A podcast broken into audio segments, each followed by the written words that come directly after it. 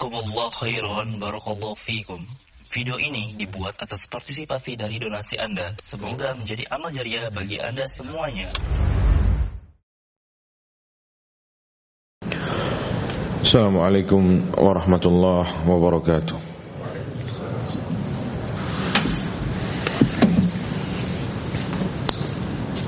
إن الحمد لله نحمده ونستعينه ونستغفره ونعوذ بالله من شرور أنفسنا ومن سيئات أعمالنا. من يهده الله فلا مضل له ومن يضلل فلا هادي له. أشهد أن لا إله إلا الله وحده لا شريك له وأشهد أن محمدا عبده ورسوله صلى الله عليه وعلى آله وصحبه وسلم تسليما كثيرا. قال الله تعالى في كتابه الكريم يا أيها الذين آمنوا اتقوا الله حق تقاته ولا تموتن إلا وأنتم مسلمون. وقال يا أيها الناس اتقوا ربكم الذي خلقكم من نفس واحدة وخلق منها زوجها وبث منهما رجالا كثيرا ونساء واتقوا الله التي تساءلون به والأرحام. إن الله كان عليكم رقيبا.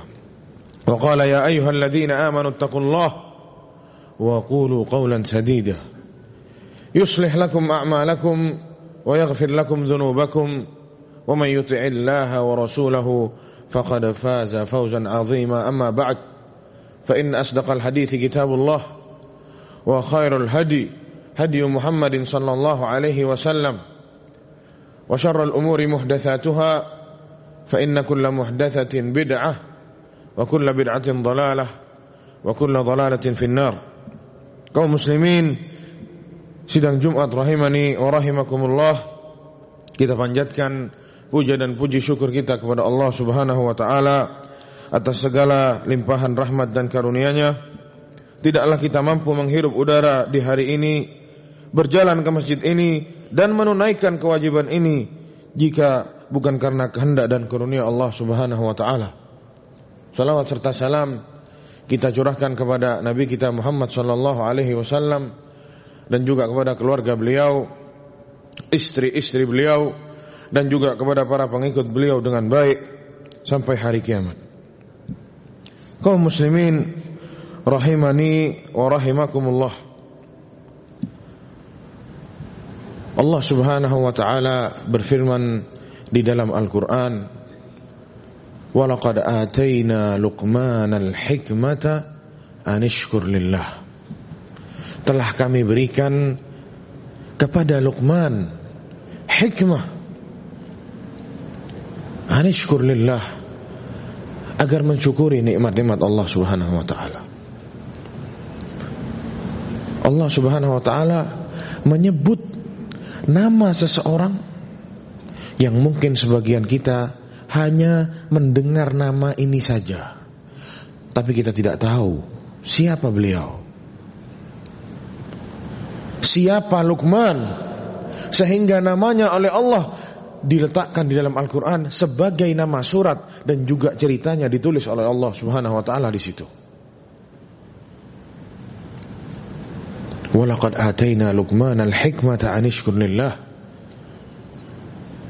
Dikatakan oleh Ibnu Jarir At-Tabari rahimahullah Luqman adalah seorang abdun habasyi seorang budak orang hitam min Sudanil Misr min biladin Nubah orang-orang hitam budak yang tinggal di suatu daerah yang bernama Naubah ada di Sudan sekarang dikatakan oleh para ahli sejarah beliau tinggal satu zaman dengan Nabi Daud alaihissalam. Namun pertanyaannya kenapa kok beliau oleh Allah Subhanahu wa taala sampai diceritakan di dalam Al-Qur'an? Kita baca Al-Qur'an banyak di dalamnya kisah-kisah, isinya kisah-kisah para nabi, para rasul. Maryam, ibunya Nabi Isa, ada kaitannya dengan Nabi dan Rasul. Namun Luqman seorang budak. diceritakan kisahnya oleh Allah di dalam Al-Quran. Ada apa di balik kisah Luqman? Para jemaah sekalian, beliau Luqman rahimahullah terkenal dengan nasihatnya yang mungkin pantas nasihatnya dituliskan dengan tinta air mata. Yang mana kita tahu beliau menasehati anaknya. Wa idh qala Luqman libnihi wa huwa ya'iduhu ya bunayya saat Luqman berkata kepada anaknya dalam rangka menasehati anaknya, "Ya bunayya, wahai ananda, kita yang ada di sini insya Allah semuanya seorang bapak. Kalaupun belum menjadi bapak, insya Allah akan menjadi bapak." Pesan ini tertuju kepada para bapak. Pernahkah kita para bapak memanggil anaknya wahai ananda, wahai anakku dengan panggilan yang lembut menasehati anaknya. Karena di luar sana banyak bapak-bapak yang tidak pernah menasehati anaknya. Bapak-bapak yang keluarnya pagi hari sebelum anaknya bangun, pulangnya malam hari saat anaknya sudah tidur. Tidak ada waktu mau menasehati anaknya. Semuanya istrinya. Itu itu anaknya diurus. Itu anaknya diurus, anak sibuk. Bukankah seperti itu para jamaah sekalian? Yang terjadi di zaman sekarang? Tidak ada waktu. Ya bunaya, tidak ada waktu. Sehingga anaknya kelak sudah besar kurang ajar sama orang tuanya. Nauzubillah. Seorang bapak kelak akan ditanya oleh Allah di hari kiamat. Ini amanat yang Allah berikan. Anak ini amanat. Jangan cuma dikasih makan.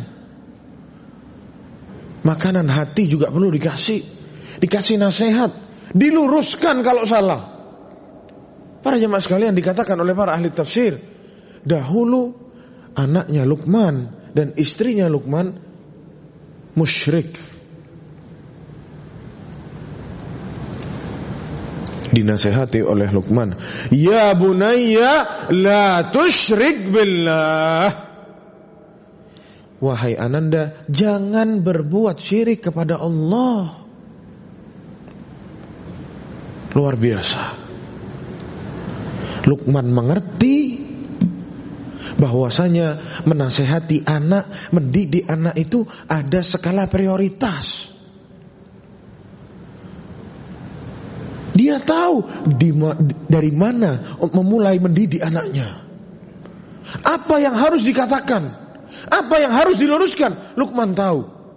Lukman melihat anaknya berbuat syirik kepada Allah, itu yang sama dia diperbaiki dulu. La tusyrik billah, jangan berbuat syirik kepada Allah. Karena syirik kepada Allah itu inna syirka la zulmun azim. Berbuat syirik kepada Allah itu adalah kezoliman yang sangat besar. Para jamaah sekalian, anak ingin bertanya, adakah satu musibah yang lebih besar dari seseorang masuk neraka selamanya? Mungkin kita di dunia ini kena musibah, anaknya meninggal dunia, ditipu orang dengan miliaran rupiah misalkan, kecelakaan, musibah, tsunami, tapi musibah badai itu pasti berlalu. Tapi tidak ada musibah yang lebih parah dari seseorang dimasukkan kepada api neraka oleh Allah Subhanahu wa taala selamanya. Ini yang Lukman inginkan kepada anaknya. Jangan sampai masuk neraka karena perbuatan syirik kepada Allah Subhanahu wa taala. Sebagaimana firman Allah Di ayat yang lain, "Innahu man yusyrik billah faqad harramallahu alaihi jannah." Barang siapa yang berbuat syirik kepada Allah Subhanahu wa taala, Allah haramkan baginya surga. Ini bukan kata ana para jemaah sekalian, ini kata Allah Subhanahu wa taala. Cukup sampai di sini saja, kita ini sudah kena musibah yang terbesar. Kita tidak boleh masuk surga oleh Allah Subhanahu wa taala. Mau ke mana? Begitu saja, tanpa ada kejelasan. Ini saja sudah musibah. Kita sama Allah dilarang masuk surga, itu sudah musibah. Tapi ternyata musibahnya tidak sampai sampai di situ. Wa ma'wahun nar. Tempat kembalinya adalah neraka. Lebih besar lagi musibahnya. Wa zalimin min ansar. Dan tidak ada penolong bagi orang-orang yang zalim. Bagi orang-orang yang zalim. Inna syirka la zulmun azim. Ada kaitannya. Syirik itu adalah kezaliman dan Allah mengatakan bagi orang-orang yang syirik, orang-orang tersebut, orang-orang yang zalim itu tidak ada penolongnya. Di ayat yang lain Allah Subhanahu wa taala menjelaskan Innallaha la yaghfiru an yushraka bihi. Allah tidak mengampuni dosa orang-orang yang berbuat syirik kepada Allah Subhanahu wa taala. Wa yaghfiru ma duna dzalika liman yasha. Dan Allah mengampuni dosa-dosa yang lain atas kehendak Allah Subhanahu wa taala. Ini yang sama Lukman ditanamkan kepada anaknya. Dielus anaknya, diomongin baik-baik. Bukan ente tidak ngerti-ngerti anak kasih tahu. Ditampar anaknya. Jangan kurang ajar. Kalau abang ngomong didengerin. Kalau kita begitu. Ambil gesper. Dihajar anaknya sama gesper. Sudah anak kasih tahu. Tidak mau mendengarkan. Itu cara didik kita. Luqman oleh Allah Subhanahu wa taala diberi hikmah yang mana kata Syekh Abdurrahman As-Sa'di rahimahullah dalam tafsirnya, hikmah itu adalah al-fiqhu fid din, pemahaman dalam agama. Allah kasih kepada Luqman. Kita lihat hasil dari pemahamannya Luqman. Dielus anaknya. Ya bunayya la tusyrik billah. Wahai anak Ananda. Wahai anakku. Sayangku. Jangan berbuat syirik kepada Allah Subhanahu wa taala. Terus. Wala yazalu yu'idhuhu. Terus sama Luqman dikasih tahu, la tusyrik billah, la tusyrik billah. Terus sampai akhirnya anaknya berhenti berbuat syirik kepada Allah Subhanahu wa taala. Kita baru nasihat satu dua kali. Kita baru ngasih tahu satu dua kali, sudah deh, emang susah nggak mau dikasih tahu. Kayak ibunya, ibunya itu emang suka ngelawan anak. Kalau kita begitu, nggak tahu nih ngambil ke siapa anaknya dikasih tahu nggak mau ngelawan terus. Subhanallah. Para jemaah sekalian, orang mau bikin pesawat terbang itu sampai bisa terbang, bisa dikontrol, dilihat dari jauh, itu perlu waktu. Sekarang kita ini mau mencetak manusia. Mau mendidik manusia. Butuh nafas yang panjang. Bukan satu kali dua kali. Kita bukan mau bikin meja. Dipukul sama paku. Satu dua kali jadi itu meja. Belum lagi kita sudah mendidik. Anak kita sudah baik. Kena satu dua temannya yang rusak. Rusak semua yang kita bangun selama ini. Itu manusia. Ada perasaan. Punya hati. Butuh waktu yang lama. Ini yang difahami oleh Luqman.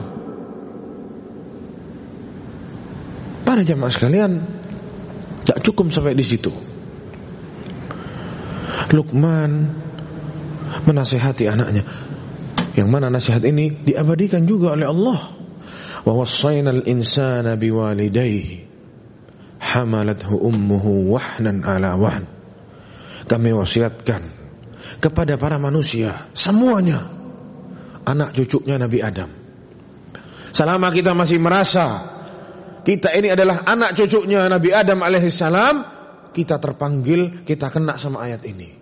Wasainal insana, kami beri wasiat kepada manusia. Hamalathu ummuhu wahnan ala wahnin. Ibunya mengandungnya dalam keadaan lelah di atas kelelahan. Wa fisaluhu fi amain, dikasih air susu dua tahun. anishkurli wali walidayka ilayyal masir dan bersyukurlah kalian kepada Allah dan juga kepada kedua orang tua kalian dan kalian akan kembali kepadaku kata Allah Subhanahu wa taala Para jamaah sekalian, dahulu di zaman para tabi'in ada seseorang yang menggendong ibunya dari Yaman ke Mekah untuk berhaji. Orang ini mengatakan Ana bagi ibu ana sebagai bair, sebagai hewan tunggangan. Antum bisa bayangkan hewan tunggangan ditunggang terus, capek dipukul, suruh jalan. Ana bagi ibu ana seperti hewan tunggangan. Sampai ke Mekah. Wahajajtu biha dan anak berhaji sama ibu anak dalam keadaan ibu anak anak gendong. Orang yang sudah haji tahu haji itu ngapain aja. Tawaf, tawaf kudum, datang ke Mekah, tawaf. Sa'i. Kita nggak usah gendong ibu. Kita sendiri membawa badan ini setengah mati, capek tawaf sama sa'i. Tiga setengah kilo. Kalau bolak balik sa'i saja, belum tawafnya. Dari situ jalan ke Mina. Tarwiyah. Dari Mina ke Arafah. Dari Arafah ke Musdalifah. Dari Musdalifah balik lagi ke Mina, ibuku aku gendong kata orang ini. Di situ orang ini melihat Abdullah bin Mas'ud atau Abdullah bin Umar radhiyallahu anhu. Tanyalah si anak ini kepada Abdullah bin Umar. Ya Aba Abdurrahman, Abdullah bin Umar itu Abu Abdurrahman. Ya Abu Abdurrahman, ara'aita inni qad waffaitu haqqaha. Apakah engkau melihat apa yang sudah ana lakukan ini sudah bisa membayar hak ibu ana? Selesai sudah. Birrul walidain selesai karena sudah digendong haji ke sana kemari. Apakah begitu? Dijawab sama Abdullah bin Umar. Wallahi La wallahi kata dia, demi Allah tidak. Wala zafratan min zafaratiha. Yang engkau lakukan itu belum bisa membalas meskipun dengan satu helaan nafas saat dia melahirkanmu. Tidak bisa.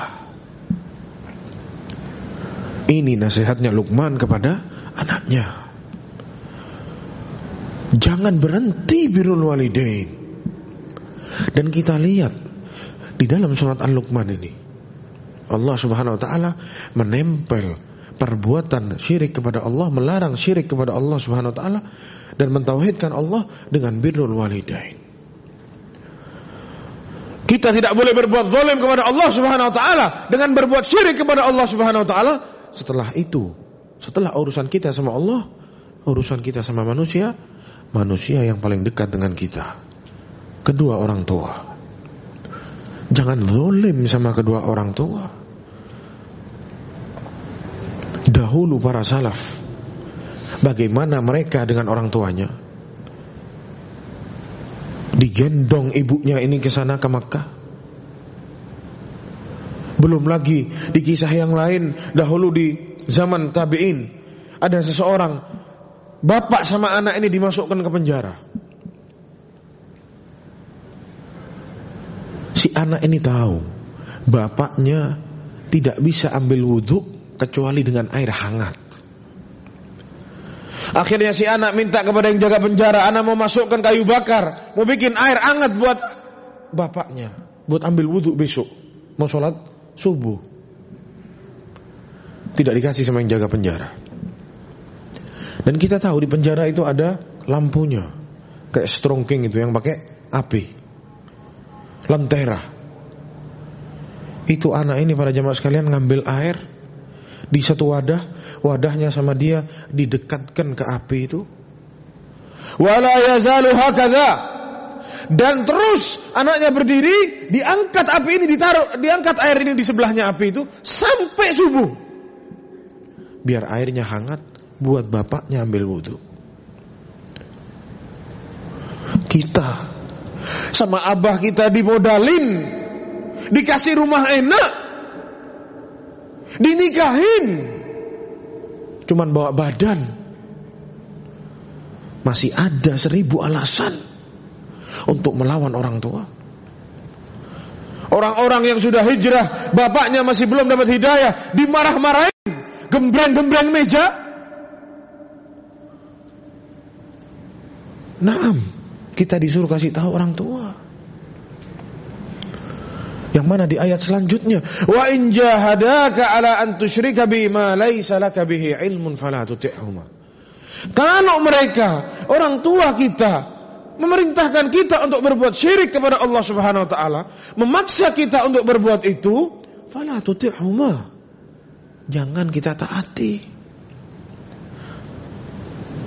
La ta'ata li makhlukin fi maksiatil khaliq. Tidak ada ketaatan kepada makhluk dalam rangka berbuat maksiat kepada Allah Subhanahu wa taala. Kita disuruh bermaksiat sama orang tua, tolak, jangan, Pak. Jangan, Bu, dosa, Bu. Enggak cukup sampai di situ ayatnya. Fala tuti'huma, bukan terus titik, bukan. Ada lanjutannya wasahibhuma fid dunya ma'rufa subhanallah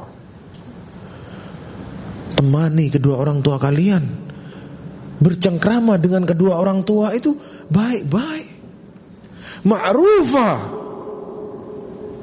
ini orang-orang yang kiblatnya ke barat bilang Masya Allah di barat itu orang-orang yang mulia, orang-orangnya berakhlak. Subhanallah. Baca Al-Quran ini. Jangan cuma dipajang di rumah Al-Quran. Kita kaum muslimin yang memasarkan akhlak ke seluruh dunia. Bukan mereka. Orang kafir, saya di negaranya, umur 18 tahun, selesai urusannya sama orang tua. La birul walidain, wala salam, wala kalam, mafi. Kita umat muslim wasahib huma fid dunya ma'rufa. Meskipun bapaknya sama ibunya kafir. Tidak ada alasan. Tidak ada alasan untuk kita kurang ajar. Ukukul walidain. Tidak ada alasan. Kita disuruh temani orang tua kita dengan baik-baik. Jaga perasaannya. Ini ayat para jamaah sekalian turun kepada Sa'ad bin Abi Waqqas. Sebagaimana kita tahu kisahnya Sa'ad bin Abi Waqqas. Saat beliau masuk Islam dan ibunya mengetahui hal demikian, ibunya panggil, "Sini wahai anakku. Apa betul engkau telah masuk ke agamanya Muhammad?" "Betul wahai ibu." Ngomong baik-baik, "Betul ibu." Kenapa? Kalau engkau tidak mau keluar dari agamanya Muhammad, engkau tidak keluar putus hubungan ini sama Muhammad, Ana tidak mau makan, tidak mau minum sampai mati. Biar dibilang sama orang saat itu yang membunuh ibunya. Tidak ada bantah-bantahan, tidak ada ibu ini kafir. Tidak mau ini yang benar, marah-marah sama ibunya. Ada apa-apa ada cerita seperti itu? Gak ada. Diam saat. Satu hari ibunya nggak makan nggak minum, masih kuat. Antum bisa bayangkan tidak makan tidak minum satu hari nggak makan mungkin oke okay lah, nggak minum. Hari kedua ibunya semakin terpuruk. Hari ketiga sudah tidak bisa apa-apa ibunya. Didatengin sama saat, wahai ibunda, ibunda. Bukan, hei ibu, bukan. Wahai ibunda, engkau mau makan, engkau tidak mau makan, engkau mau minum, engkau tidak mau minum, lakukan silahkan. Demi Allah. Demi Allah. Jika Allah memberimu seratus nyawa dan Allah cabut nyawa itu satu persatu di depanku, itu tidak akan pernah mengganti agama ini. Tidak akan pernah bisa membuatku keluar dari agama ini. Saat ibunya mendengar kata-kata itu, saat itu juga ibunya makan dan minum karena ibunya tahu ini anak sudah lurus, tidak akan bisa dirubah dengan apa pun. Wa sahibhuma fid dunya ma'rufa. Temani orang tua. Kita yang jauh dari orang tua, kerja merantau, nggak ada waktu. Tiket mahal, alasannya seribu. Padahal ibu kita itu tidak mau minta uang sama kita. Cuman pengen lihat anaknya. Anaknya gimana, baik atau enggak. Dulu setiap hari dirawat. Dari bayi, setiap hari, setiap pagi sama ibu kita dimandiin. Dipastikan baik-baik saja. Sekarang mentang-mentang sudah bisa cari uang sendiri. Sudah punya istri. Tidak perlu sama ibunya. Bahkan mau datang lihat ibunya sudah ada nafsu. Astaghfirullahaladzim. Tiket mahal. Alasan lagi Covid-19. Kalau nongkrong di kafe sama temennya bisa. Tapi kalau untuk orang tua seribu alasan. Para jemaah sekalian, dua nasihat ini yang perlu selalu kita camkan dalam hidup kita ini urusan kita sama Allah, urusan kita sama orang tua. Jangan kita berharap hidup kita berkah. Kalau bukan orang tua kita yang setiap hari angkat tangan minta keberkahan untuk anaknya. Hasan Al-Basri rahimahullah saat ibunya meninggal dunia, beliau menangis. Hasan Al-Basri imam kibarul a'immah Siapa yang tidak kenal sama Hasan Al Basri? Saat ibunya meninggal dunia, nangis. Falamahu ba'dhan nas sampai diomongin sama murid-muridnya. Anta imam, engkau ini imam. Kok nangis ibunya meninggal? Ini kan sudah takdir. Qadha wal qadar. Dijawab sama Imam Hasan Al Basri. La abki jazaan minal maut. Ana tidak menangis karena kematian ibu Anda.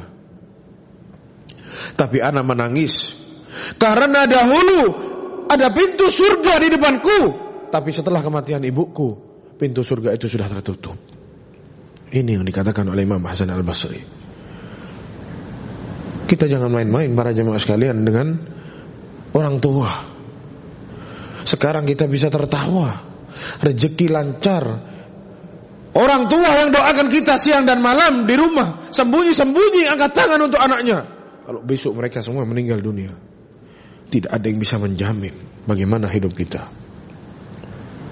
Barakallahu li wa lakum fil Qur'anil azim wa nafa'ni wa iyyakum bima fihi minal ayati wa dhikril hakim.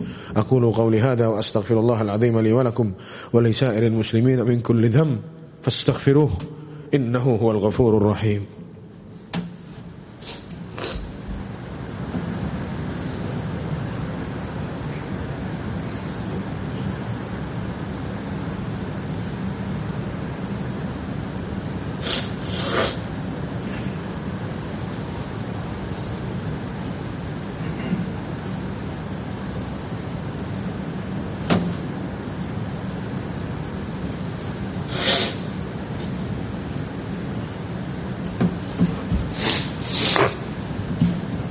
الحمد لله رب العالمين والصلاة والسلام على أشرف الأنبياء والمرسلين نبينا محمد وعلى آله وصحبه أجمعين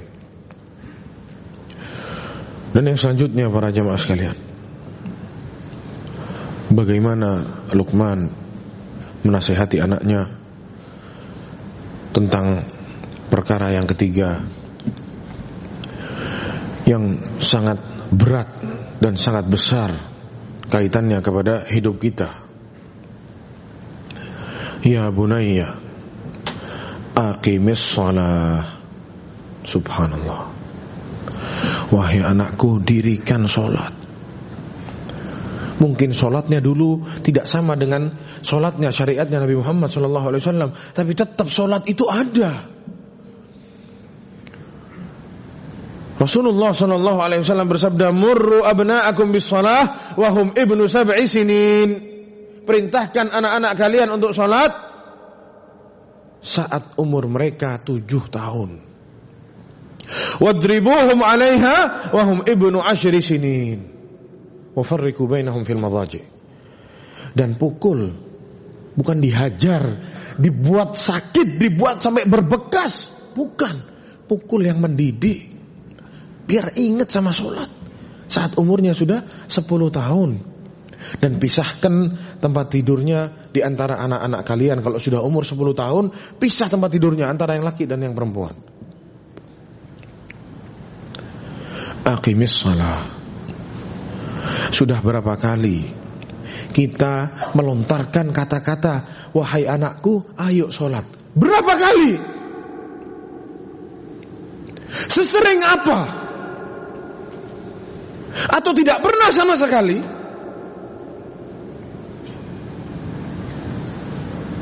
Sholat ini para jamaah sekalian Rukun Islam yang nomor dua Jangan kita sebagai bapak hanya mau melepas kewajiban saja. Gedor pintunya. Hei ayo, sholat, gedor pintu, ditinggal terus. Kita bukan mau menggugurkan kewajiban. Karena kita tahu Kalau sama kita dibiarin anak kita tidak sholat Besok kita yang diadab sama Allah di hari kiamat. Hanya karena itu kita cuman ingetin aja Ayo sholat. Habis itu diem. Ya Allah anak sudah ajak sholat Tapi memang anaknya nggak mau sholat Beda caranya gimana seseorang mau bawa seseorang masuk ke dalam hidayah Allah Subhanahu wa taala sama orang yang mau menggugurkan kewajibannya. Mengingatkan, beda. Misal saja sama tetangga aja. Kita tahu tetangga kita kalau azan nggak mau ke masjid. nggak mau sholat. Kalau kita cuma mau menggugurkan kewajiban, negor saja, ya akhi azan nggak dengar, ayo kita sholat. Selesai urusannya. Tapi kalau kita mau mencetak ingin kebaikan sama saudara kita, sama tetangga kita, kita undang ke rumah, ahlan wa sahlan, dikasih hadiah, dibeliin baju koko misalkan, dikasih peci, ayo sholat, ngobrol-ngobrol baik-baik, sampai akhirnya kena hidayah. Beda caranya. Dan ini caranya yang dipakai sama Lukman untuk anaknya. Ya bunaya, dielus-elus. Ayo dibangunin sholat subuh. Jangan sholat ini terus sama kita dijadikan hukuman buat anak. Jadi anaknya nggak mau sholat. Kalau nggak ada abahnya, selesai anaknya nggak mau sholat. Yes, tak ada abah, tak usah ke masjid. Kenapa? Karena kita salah didik. Sholat ini kita ajarkan ke anak sebagai hukuman. Gimana contohnya? Sudah jangan dibangunin subuh masih tujuh tahun. Kesian. Emang ente ngadab anak ente? Disiksa sampai ada kata-kata kesian. Anak sering dengar, lu janganlah masih terlalu kecil kesian. Sampai besar anaknya tidak akan ke masjid. Karena apa? Kesian. Seolah-olah ini hukuman buat anaknya, subhanallah. Para jamaah sekalian, tiga nasihat emas ini yang harus kita camkan baik-baik, terutama kita sebagai ayah, sebagai orang tua. Gimana hubungan kita sama orang tua kita? Dan gimana kita didik anak kita supaya anak kita ini birrul walidain. Jangan salah didik akibatnya akan fatal. إن الله أمركم بأمر بدأ فيه بنفسه وثنى بملائكة قدسه وثلث بكم أيها المؤمنون وقال عز من قائل أليما إن الله وملائكته يصلون على النبي يا أيها الذين آمنوا صلوا عليه وسلموا تسليما. اللهم صل على محمد وعلى آل محمد كما صليت على إبراهيم وعلى آل إبراهيم. إنك حميد مجيد. وبارك على محمد وعلى آل محمد كما باركت على إبراهيم وعلى آل إبراهيم. إنك حميد مجيد. اللهم اغفر للمسلمين والمسلمات والمؤمنين والمؤمنات الأحياء منهم والأموات. إنك سميع قريب مجيب الدعوات. يا قاضي الحاجات. ربنا ظلمنا أنفسنا وإن لم تغفر لنا وترحمنا لنكونن من الخاسرين. اللهم ارفع عنا البلاء والغلاء والزلازل والمهن. عباد الله إن الله يأمركم بالعدل والإحسان وإيتاء ذي القربى وينهى عن الفحشاء والمنكر والبغي يعيدكم لعلكم تذكرون. فاذكروا الله العظيم الجليل يذكركم واشكروه على نعمه يزدكم ولذكر الله أكبر. والله يعلم ما تصنعون وأقم الصلاة.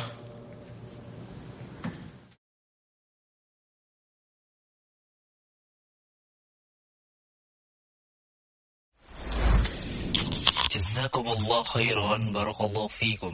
Video ini dibuat atas partisipasi dari donasi Anda. Semoga menjadi amal jariah bagi Anda semuanya.